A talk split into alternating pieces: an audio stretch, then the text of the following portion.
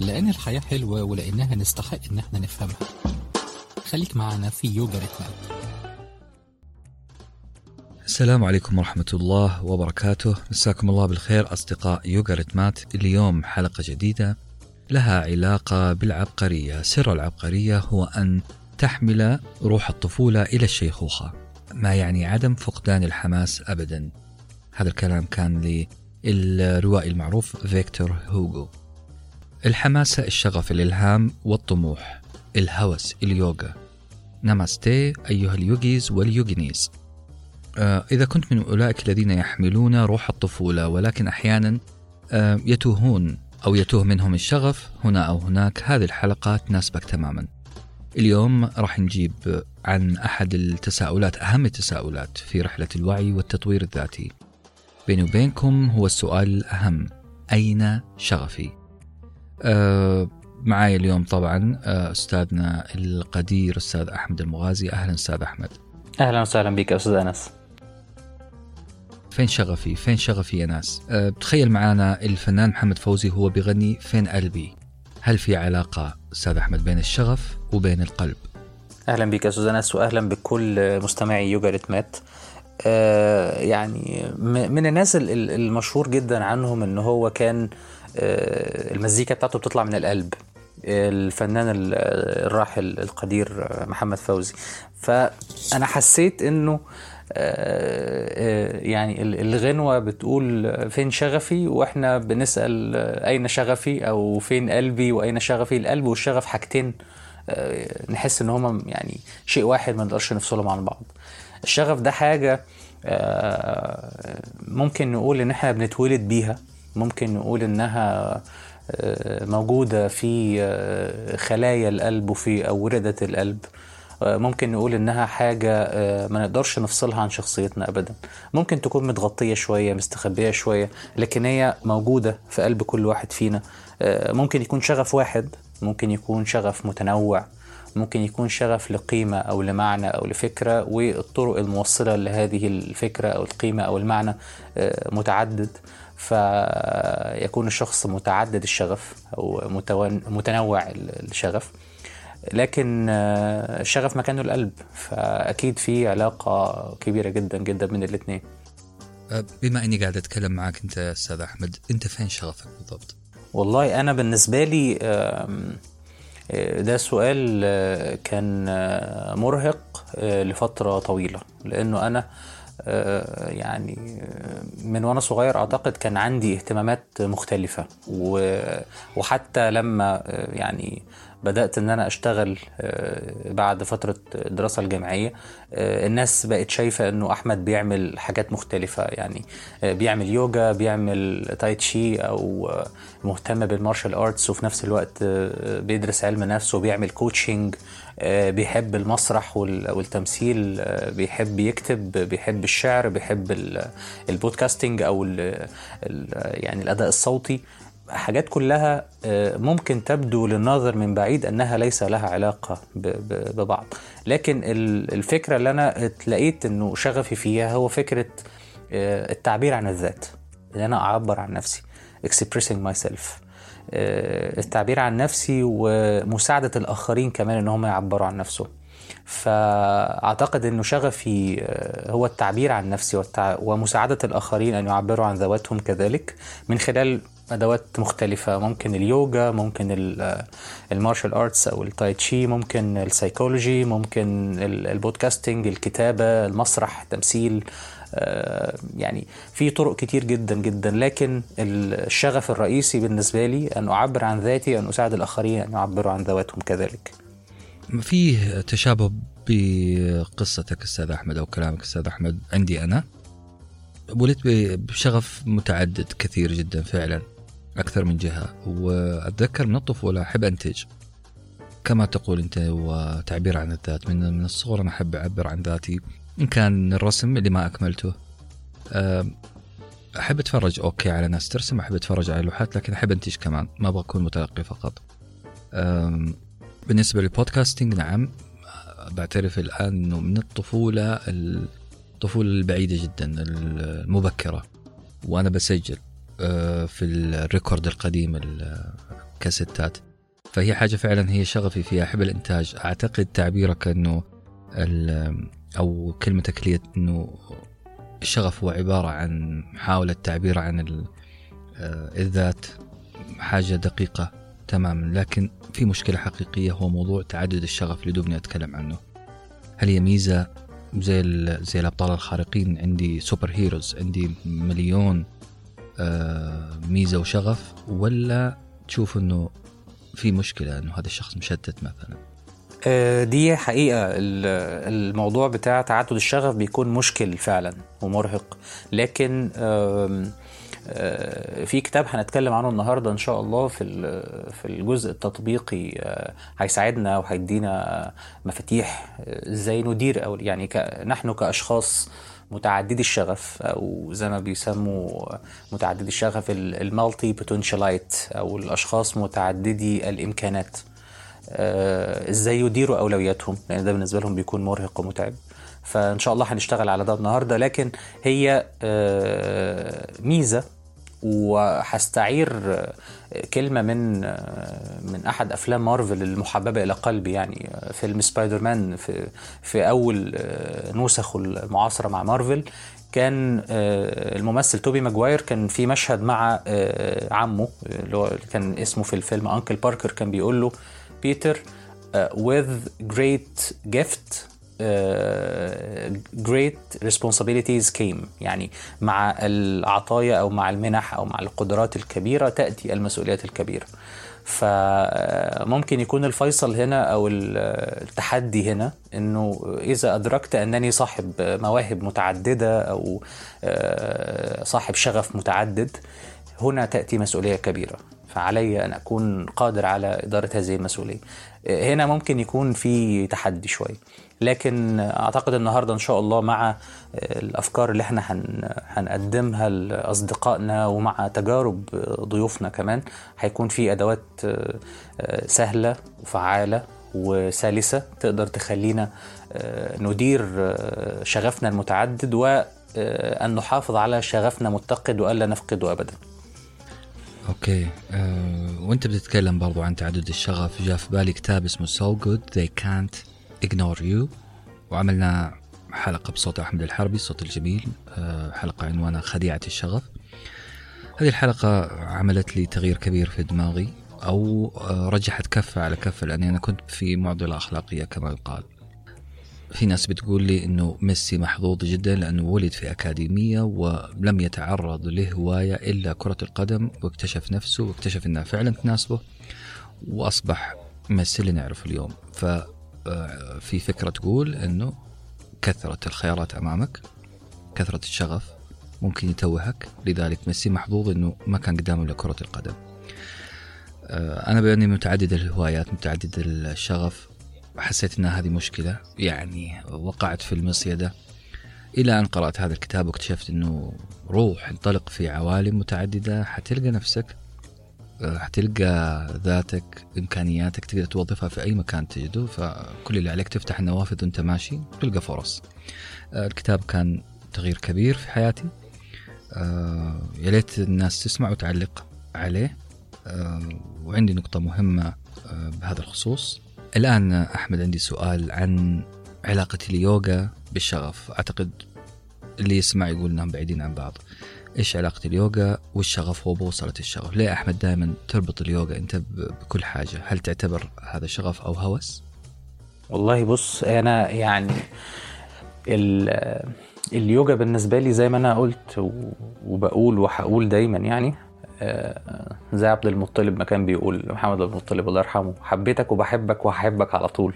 فاليوجا بالنسبة لي حاجة yoga saved my life يعني تجربة أول يعني أول تجربة أو أول احتكاك ليا باليوجا كان بعد نوبة اكتئاب شديدة جدا بعد وفاة والدي رحمه الله. واليوجا ساعدتني إن أنا يعني putting all the pieces together. إنه أحط أجزائي المبعثرة بعد هذه الصدمة الرهيبة أضع أجزائي في في ذات الإطار أو يعني ألام مشتات نفسي زي ما بيقولوا. فهي اليوجا بتساعدني آه، إن أحمد يبقى أحمد يعني أو إن هو آه، يبقى أحمد بدون مكياج أو يبقى أحمد بدون آه، ألقاب كتير أو بدون آه، آه، تجارب صادمة أو بدون آه، شعور بالضعف أو بدون آه، تحديات مرهقة. يعني بتساعدني على حالة من السكون وحالة من السكينة. وده أنا يعني ده اللي بحاول أنقله للناس اللي آه، يعني اللي ادوني شرف آه، يعني تدريسهم أو ان أنا يعني اعلمهم. آه، انه إزاي توصل لل ان تكون انت بدون مكياج على طبيعتك. إزاي توصل ان انت تكون آه، شخص آه، مش متكسر ال- آه، الاطراف ولا آه، مبعثر ال- المكونات. يعني تضع كل مكوناتك في اطار واحد أو في كيان واحد. فاليوجا بالنسبة لي هي نظارة قدرت من خلالها إن أنا أشوف حاجات كتير قوي إن أنا أحط آه، اهتماماتي المتعددة أو إن صح التعبير يعني آه، مواهبي المتعددة في إطار واحد. فده ساعدني كتير قوي. كمان إنه ال- ال- الناس لما بت بتتعامل مع آه، شخص متعدد المواهب آه، قد تشعر إن هو مشتت أو تشعر إن هو آه، مش مركز على حاجة معينة أو هوائي أو متقلب المزاج. لكن الحقيقة يعني من خلال ممارستي لليوجا اكتشفت إنه تعدد الشغف هو آه، تعدد أدوات. أو قدرة أكثر على الإدراك بأكثر من عدسة زي كده آه، في الاستوديوهات التحليلية بتاعة كرة القدم لما بيجيب آه، ال- ال- الهدف أو آه، بي- بيعيد تحليل المباراة من أكتر من زاوية. فأنا حسيت مثلا إنه ده ساعدني إنه آه، وعي يتسع. يبقى وعي ثلاثي الأبعاد أو رباعي الأبعاد أو خماسي الأبعاد. آه، دراستي لليوجا ساعدتني في ده دراستي فنون الدفاع عن النفس ساعدتني في ده دراستي في علم النفس ساعدتني في ده. آه، الهدف كله إن أنا أكون أنا بدون مكياج. الهدف كله إن أنا آه، أكون أنا آه، مجتمع مش آه، مجزأ مش قلبي في جنب وروحي في جنب وعقلي في جنب وجسمي في جنب. كل هذه المكونات تكون في كيان واحد. ف مش هقدر أقول إنها هوس لأن الهوس ده ممكن يكون فترة ويعدي.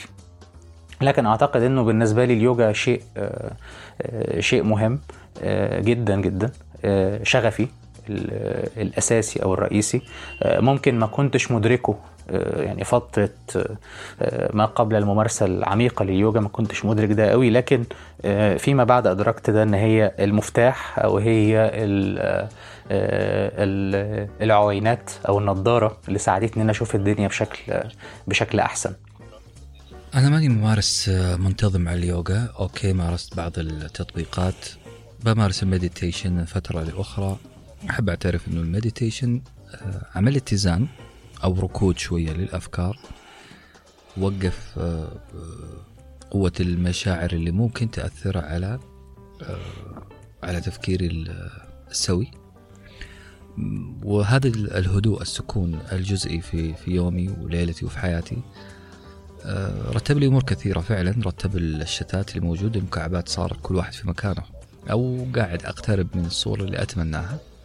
وهي رحلة لا تنتهي لكن فعلا ساعدني الهدوء هذا. الهدوء آه، رقم واحد اللي بيعملوا اليوغا والمديتيشن. أستاذ أحمد بالمناسبة ودي أعلن عن آه، أنا كلمتك ساب قبل كذا إنه أي أحد عنده شغف بما أننا نتكلم عن الشغف بالكوميديا يتواصل معك أو يتواصل معي أنا بعلن الآن ان كان في أي أحد آه، من المستمعين الكرام عنده آه، شغف بكوميديا الموقف آه، المواقف اليومية يتواصل مع الأستاذ أحمد أو مع حساب يوغرت مات أو معي أنا شخصيا. آه، عندنا مشروع آه، إن شاء الله يتكلل بنجاح لعل وأتمنى وأتوقع الروح الإيجابية اللي في البودكاست هذا حتجذب من الناس آه، مواهب شغوفين بالكوميديا. فبس بقتطع منك هذه الدقيقة للإعلان آه، بعد إذنك. والسؤال الأخير أستاذ أحمد الشغف لازم له وجبات يوغا رتميه آه، وجبات فكرية حركية تأملية إيش عندنا اليوم؟ إن شاء الله بإذن الله هيكون معانا تأمل يعني لإدراك الشغف. تأمل إدراك الشغف هيكون معانا النهارده إن شاء الله في في خاتمة الحلقة. وهيكون معانا مشاركات من من صديقات عزيزات يوجاريتمات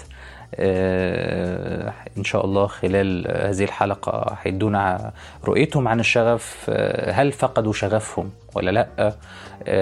إزاي إدراكهم لشغفهم فرق معاهم في حياتهم؟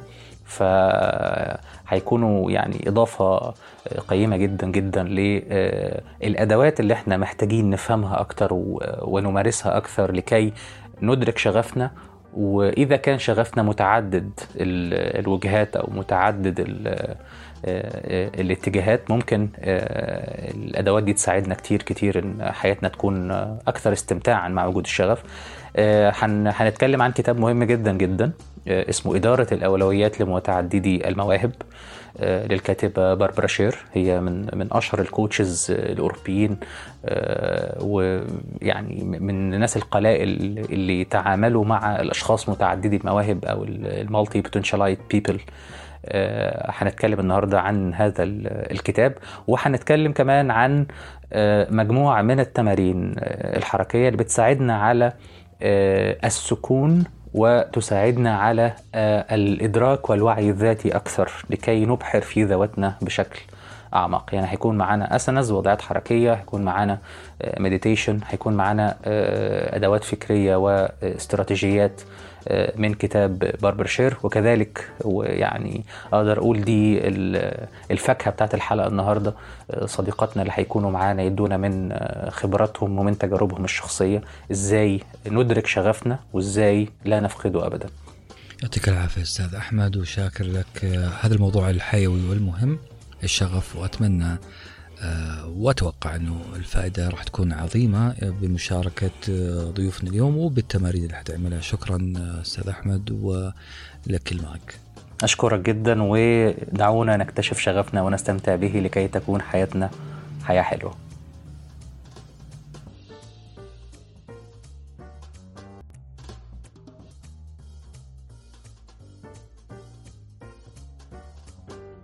الحقيقة لما نيجي نتكلم عن الشغف ما ينفعش إن إحنا نتكلم عنه من وجهة نظري أنا بس أو من وجهة نظر يوجاريتمات بس. فاتكلمت مع أستاذ أنس إن إحنا نستعين بصديقات لينا عندهم تجربة في غاية العظمة مع الشغف وإزاي نوصل له وإزاي نفهمه وإزاي نضع له تعريف وإزاي نضع له خريطة طريق. فالجزء اللي جاي من الحلقة هيكون خلاصة تجربة الصديقة العزيزة عهد العتيبي صانعة المحتوى المتميزة ومقدمة بودكاست مخرج طوارئ اللي كلنا بنحبه وبنتابعه بشغف. وهيكون معانا كمان الصديقة العزيزة وسام قبيل صانعة محتوى وفنانة voice over هتحكي لنا تجربتها مع الشغف اللي استمر لسنين كتيرة جدا وإزاي غير حياتها للأحسن. 180 درجة. وهنختم بتجربة لل coach العراقية المميزة بسمة الهاشمي. وهتحكي لنا إيه هو الشغف وإزاي نحس بيه وإزاي نتفاعل معاه بشكل إيجابي. وفي نهاية الحلقة هسمح لنفسي بعد إذنكم طبعا إن إحنا نفكر في مصطلح الشغف وكيف نحياه وكيف نعيشه من خلال وجهة نظر اليوجا مع تأمل جديد من تأملات يوجا ريتمات. مرحبا أصدقاء يوجاريتمات الأفاضل أنا عهد. قبل ما أتكلم عن رحلتي في البحث عن شغفي أعتقد أن من المهم أننا نعرف إيش نقصد بالشغف. ما كنت مولعة بكلمة شغف قد ما أنه كانت في أشياء في الحياة تستهويني وألقى نفسي فيها وأحس أنها تشبهني أو أن أنا أشبهها. ومن مرحلة مبكرة من مرحلة الطفولة ظهرت الاهتمامات والملكات الشخصية.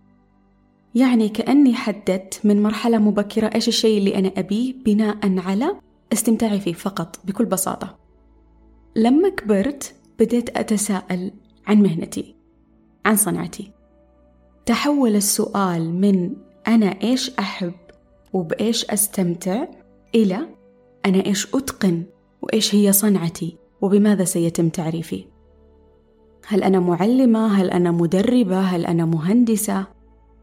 واختيار أي طريق من هذه الطرق يكون بناء على تحليل ومشاورات بالإضافة إلى أن الدرب طويل جدا. حتى أوصل لمرحلة أقول فيها عن نفسي أن أنا مدربة رياضية مثلا وأكون راضية عن نفسي وأنا أقول هذا الكلام. طبعا الرضا عن الذات مرهون بالشهادات والمؤهلات وسنوات الخبرة. أفكار ووجهات نظر زرعت في أذهاننا من مراحل الدراسة. اعتقدت أني أحتاج أبذل جهد كبير لدرجة خلتني أحبط نوعا ما. وما في قصة مثالية. كل إنسان في الحياة واجه صعوبات من نوع ما. مختلف الصعوبات اللي أنا مريت فيها كانت عامل إحباط بالنسبة لي. فانسحبت. يعني إشكاليتي ما كانت في فقد الشغف بطريقة مباشرة قد ما إنها كانت في التساؤل عن شغفي إيش هو شغفي؟ كل اللي كنت أحتاجه هو نظرة الطفلة اللي كنتها للحياة. الطفلة اللي كانت تبي تستمتع ببساطة وتعتقد أن من حقها أنها تختار.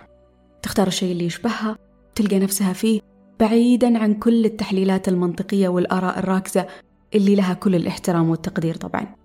لكن إيش فايدة أي عمل إحنا نسويه إذا إحنا ما حبيناه بدرجة أولى؟ الحب اللي يخلينا ما نفكر لأي درجة هو ممكن يتعبنا. وحتى لو فكرنا إحنا بالنهاية قابلين فيه ومستعدين للمضي فيه ما دمنا نحبه فعلا. يعني إذا كنت من الناس اللي تضايقك كلمة شغف وتشوف إنها لعبة ما تغنى بها الصناع فبإمكانك تجاهل المسمى وطرح السؤال التالي. إيش الشيء اللي أستمتع فيه وأساهم من خلاله للناس لمجتمعي لبلدي ويكون باب خير ورزق وفير لي؟ أحيانا يختارك شغفك بل ربما في كل الأحيان يختار كل شغف صاحبه وليس العكس. بالنسبة لي عندي شغف في أمور كثيرة. منها اللي أتقنه ومنها اللي أتعلمه أو أتعامل معه كمتنفس ومنها اللي لازلت غير راضية عن مستواي فيه وأحاول أطور نفسي فيه أكثر لكن من تجربتي. أنا شغفي اختارني وفرض نفسه علي. أعد النظر في قصة حياتك. ستجد أن بعض الطرق اختارتك. قبل أن تختارها أنت. لحظات الإحباط طبيعية وفقدان الشغف لن يكون بالأمر الجلل ما دام شغفك في الحياة موجود وشعورك أن فيها الكثير مما يمكن الاستمتاع به واستكشافه وتعلمه. لا تسمح للإحباط أن يتمكن منك. تعامل معه على أنه مرحلة. اصدق بنيتك وكن واضح فيما تريد أو كن واضح في طرح السؤال عما تريد. هل هذا الشيء مناسب لي؟ هل سأستمتع فيه؟ هل هذا الطريق سيعود علي بالنفع؟ أو ما هو الطريق المناسب لي؟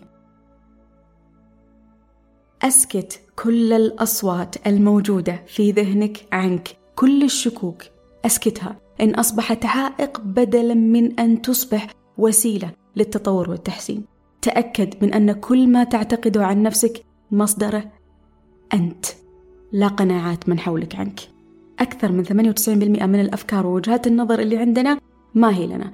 إحنا تبنيناها ممن حولنا. ثق بنفسك واستمر بالتقدم ولا تنتظر من نفسك في عام النتيجة اللي حققها غيرك في خمسة أعوام أو عشرة أعوام. طول بالك على نفسك. طولوا بالكم على أنفسكم وأعطوا أنفسكم حق التجربة. وبختم كلامي وأقول اللهم الشغف الذي به نزهر ويزهر بنا من حولنا. الشغف الذي من خلاله تعمر بنا أرضنا. اللهم الشغف الذي من خلاله وبه نتشافى. اللهم شغفا لا ينقطع. اللهم قرة عين وعافية. قولوا آمين.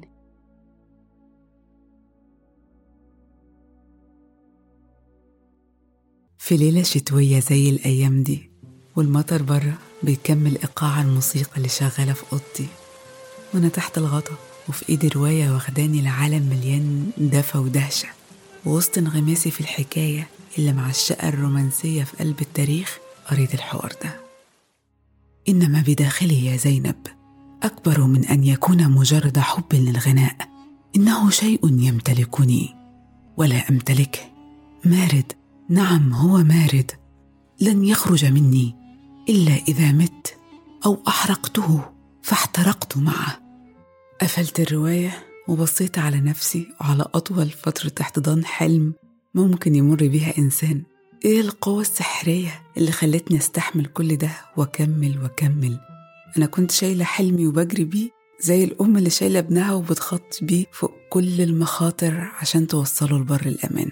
دي قوة كانت أكبر مني. قوة بتمتلكني مش أنا اللي بمتلكها مارد زي ما قريت في الرواية بالظبط. أيوة مارد أو جني ساكني القوة دي هي الشغف الشغف الحقيقي. بحس إن الشغف هو طاقة سحرية روحية توهب للإنسان منذ خلقه مش من ولادته. يعني هو طاقة تبعث في الروح منذ خلق وتكوين الروح. مش شيء عابر ولا مستحدث ولا شيء اكتشفته بالصدفة. هو ممكن يظهر بالتدريج يكشف عن نفسه بالتدريج لكن هو مش شيء ظهر للإنسان فجأة وهو على قيد الحياة. أقرب مثال فكرة السباركل في فيلم سول. اللي بيخلي الناس تقول أنا فقدت الشغف هو مش بيكون شغف هو بيكون ميول. حماس لتجريب شيء ما حب. الشغف أعلى درجة من الحب. وأحيانا بيكون اللي عندهم ده هوس والهوس هو الدرجة الأقل نضجا من الشغف. على عكس الشيء اللي مخلوقة بيه وطاقة شغفه هي اللي بتدفعني وتقويني. الشغف ملازم للحلم. عندي حلم عندي شغف. طاقة إيجابية بتحركني لا إرادي تجاه تحقيق ما أحلم به. أنا بحب حاجات كتيرة قوي وشاطرة فيها بس بقف عند عتبة الحب ده وبس. ما عنديش استعداد لبذل أي جهد إضافي لأني لا أملك شغف حقيقي تجاهها لم أوهب هذه الشرارة الدائمة الاشتعال في الروح. لما اتسألت إمتى فقدت شغفك؟ الحقيقة ولا مرة ولا لحظة. ممكن جهدي يقل لتعب حصل لي ممكن موقف حزين أو مشاعر فقد بعيشها. فالألم بيخلي حماسي أقل. لكن دايما في الخلفية كان الشغف موجود. ده كان عمود الفقري في أي فترة خذلان أو حزن أو ألم بيمسك بإيدي ويقول لي يلا نكمل.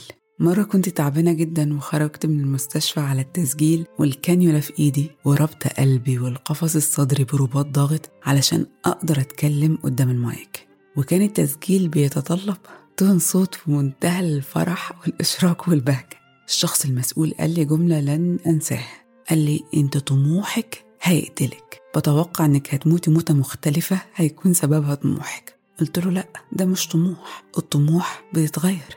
الإنسان ممكن كل شوية يغير طموحه. الظروف بتخلي الإنسان يتنازل عن طموحه والنضج ممكن يخلي الإنسان يستبدل وجهته وطموحه. لكن اللي عندي ده شيء أكبر من كده. أنا الشخص اللي بيختلف عليه ناس كتير. اللي قابلوني في منطقة خارج منطقة شغفي شايفيني بملامح وشخصية أقل كتير من اللي قابلوني في منطقة شغفي. اللي لما بكون فيها ببقى منورة منورة قوي وطاقة روحي مليانة بهجة وفرح. حتى ملامحي بتتغير. بكون حلو سحر. الخيط اللي بيخليني أفرق بين الشخص اللي عنده شغف حقيقي واللي عنده مجرد حب هو الإلهام. أي حد بيمتلك شغف حقيقي لأي شيء مهما كان بسيط بيكون ملهم والإلهام أكيد درجات.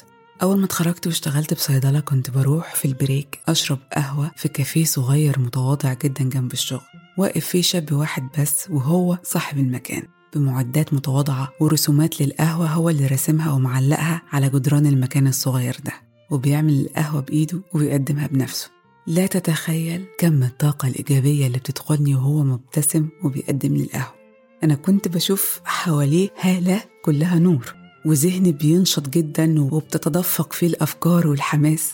هو قال لي إنه عاشق للقهوة عمايلها ورسمها وكل ما يتعلق بيها من صغره. فده الشغف بتاعه منطقة النور اللي براها مضلم قد إيه كان ملهم. على عكس إني شربت قهوة في أكبر ال brandات المشهورة وفضل الباريستا يحاول يظبطها لي وارجع أقول له لا مش مظبوطة. لا زود shot espresso كمان.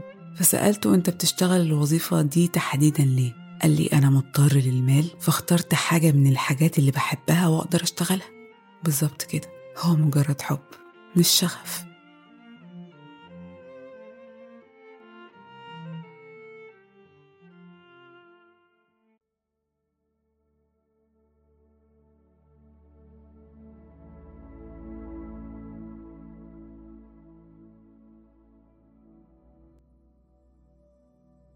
الشغف.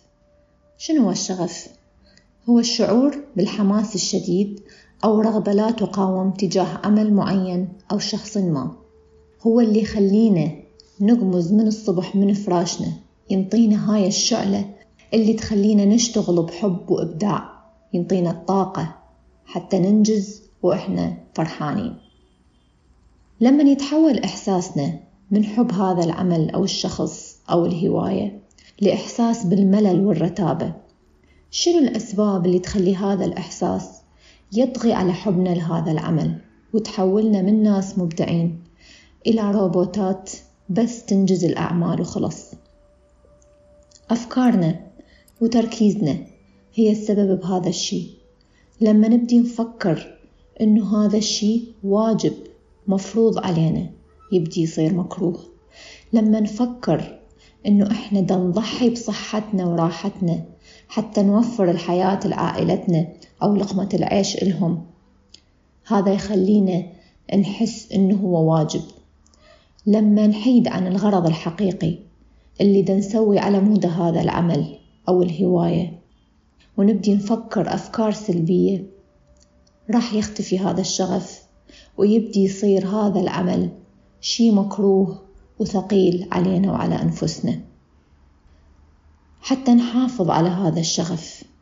دائما ابحث عن الغرض الأسمى اللي من وراه تسوي هذا العمل. لما تحس إنه إنجازك راح يجي منه هدف وغاية.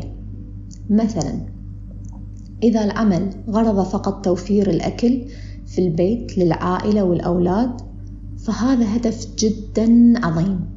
وكل من يقدر يسوي هذا العمل ويوفر حياة مريحة وملائمة لعائلته ويحط اللقمة على الطاولة مال بيتهم لازم يكون جدا فخور بتعبه وبجهده لأنه ثماره يقدر يشوفها على أهم الناس بحياته.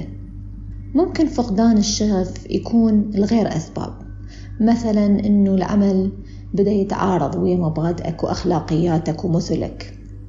أو أنه تحس أنك عندك طاقات ومهارات أكبر بكثير من المنصب اللي أنت بيه حاليا.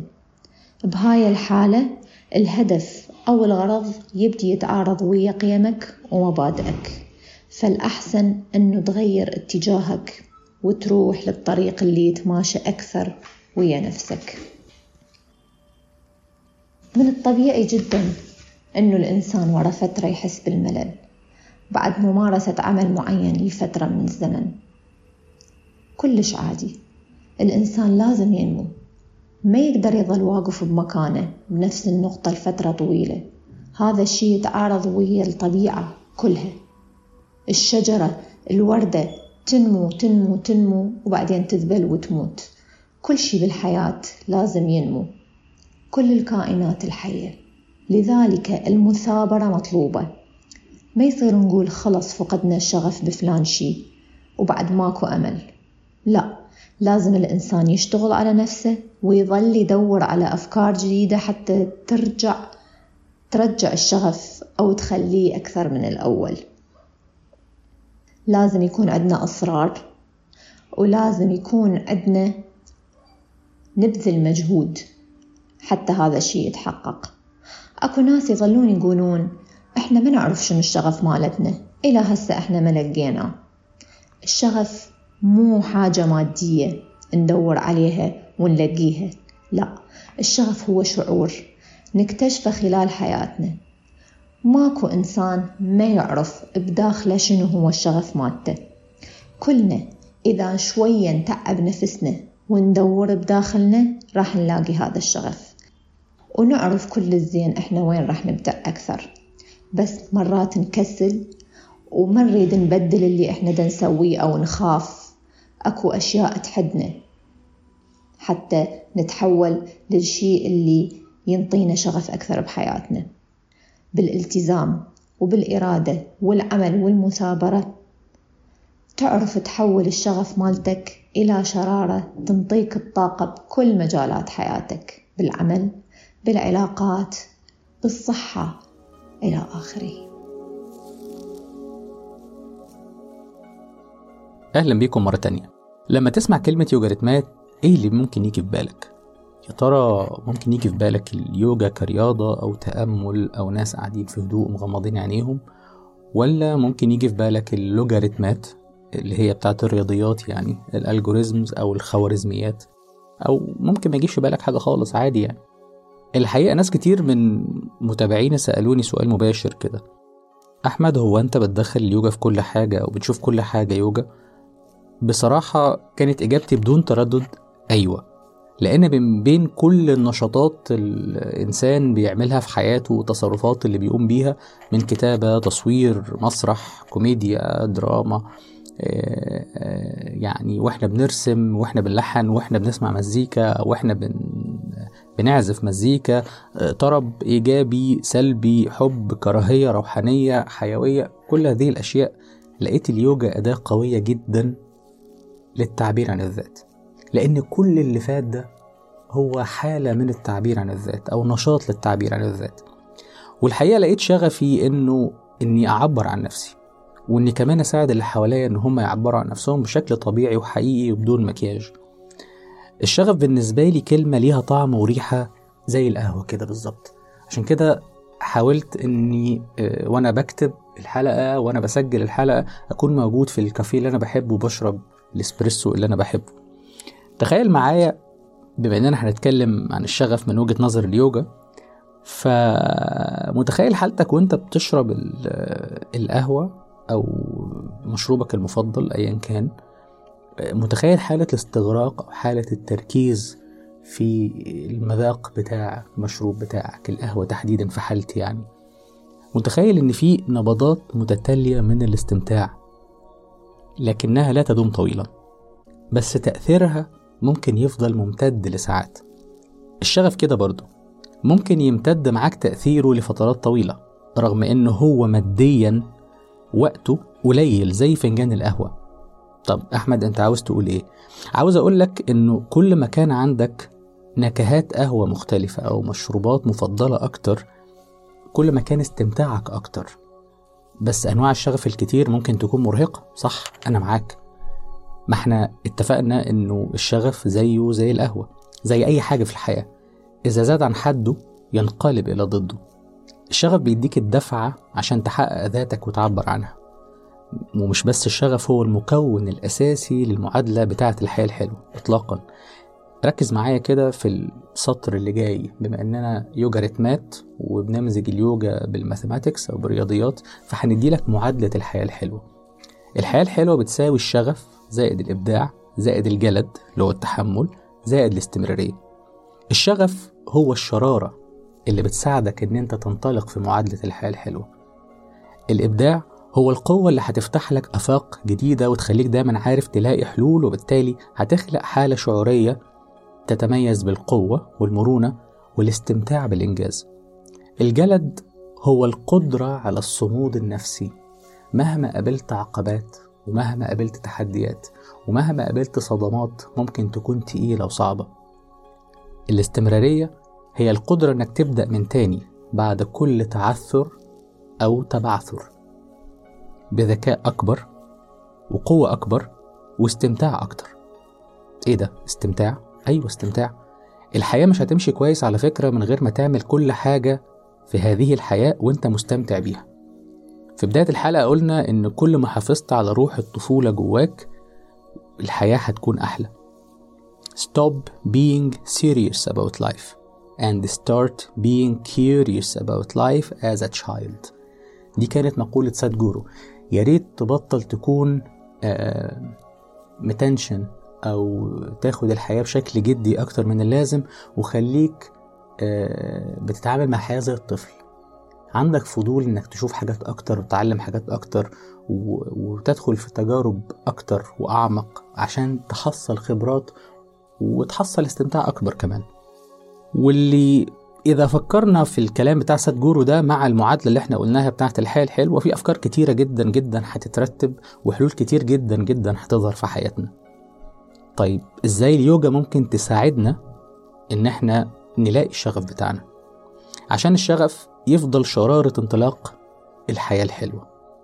في ثلاث أدوات هنستعملهم مع بعض عشان نعيش حالة الشغف بشكل ممتع زي فنجان القهوة اللي بتحبه بالظبط. في العادة لما بقول لك نعمل تأمل أو نعمل تمرين بقول لك اختار مكان تحبه أو اجلس جلسة مريحة. بس النهاردة هحاول أخرج عن الفورمة دي ونعمل توليفة جديدة بشكل جديد. اختار وقت تكون حاسس فيه إنك بتحب نفسك وهو أي وقت على فكرة. ما هو لازم تحب نفسك لأنك تجلي لقدرة ربنا على الخلق فلازم تحب نفسك.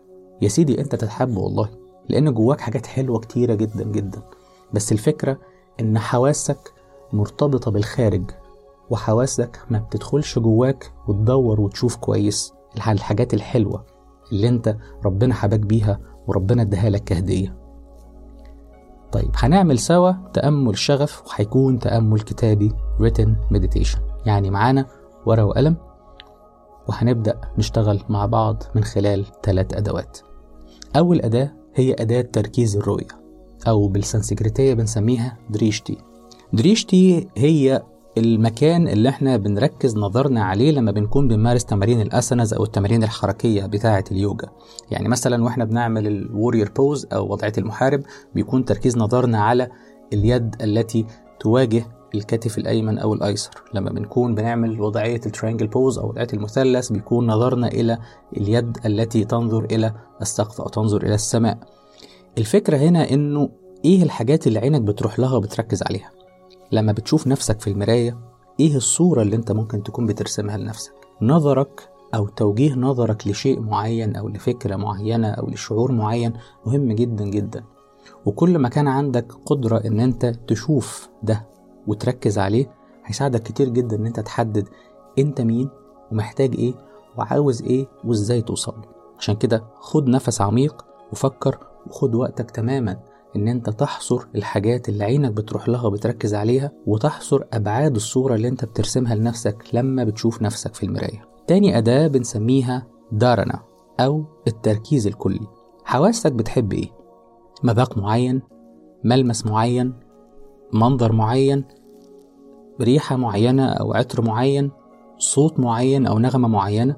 الحواس الخمسة هي مداخل الوعي والتفكير وبالتالي مخرجات وعيك وتفكيرك وتصرفاتك هتكون متأثرة بيهم بشكل كبير.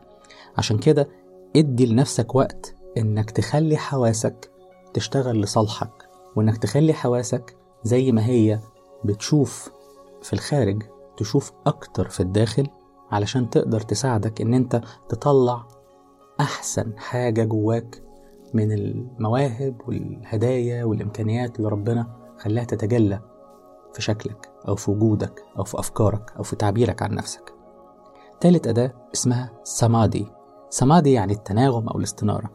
طبعا دي من ال eight limbs of yoga أو من الأركان الثمانيه لليوجا وهي من يعني من أعلى الأركان أو من أعلى الدرجات في اليوجا اللي هو الشخص المستنير اللي بيقدر إن هو يتحكم في مشاعره وأفكاره ويتحكم في جسده ويتحكم في تصرفاته وطريقة تعامله مع الحياة. هي حالة شعورية برضو بنحس فيها إن إحنا مبسوطين مزاجنا رايق عندنا طاقة قادرين إن إحنا نسيطر تماما على مشاعرنا ونتخذ القرار السليم وإحنا مستمتعين وإحنا متزنين وإحنا مبسوطين. إيه الأفكار والأشخاص والنشاطات اللي بتخلي الحالة دي عندك تحصل. سواء بقى كانت أفكار أنت بتدور في بالك أو أشخاص أنت بتحب تقعد معاهم أو بتحب تتابعهم أو أنت شايفهم رول موديل بالنسبة لك أو النشاطات اللي أنت بتعملها لوحدك أو مع الأصدقاء أو دايرة الأشخاص المقربين ليك. خد وقتك وفكر باستمتاع. وبعد ما تنتهي من الأدوات التلاتة شوف الكلمات اللي اتكررت وهتلاقي فيها خريطة طريقك لشغفك. وإذا حابب تشاركنا نتيجة التأمل ده في انتظار مشاركتك على حساب ساندوتش ورقي على تويتر وعلى الانستجرام وكمان حساب يوجاريتمات في وصف الحلقة. أتمنى تكون الرحلة اللي إحنا مرينا بيها سواء كانت من خلال الجزء اللي أنا اتكلمت فيه معاكم أو الأجزاء اللي اتكلمت فيها صديقاتنا معانا أو حوارنا مع أستاذ أنس يكون ساعدك إن أنت ترسم خريطة طريقك لشغفك. ونختم كلامنا ونقول نمستي. لأن الحياة حلوة ولأنها نستحق إن إحنا نفهمها. خليك معنا في يوجا ريتمات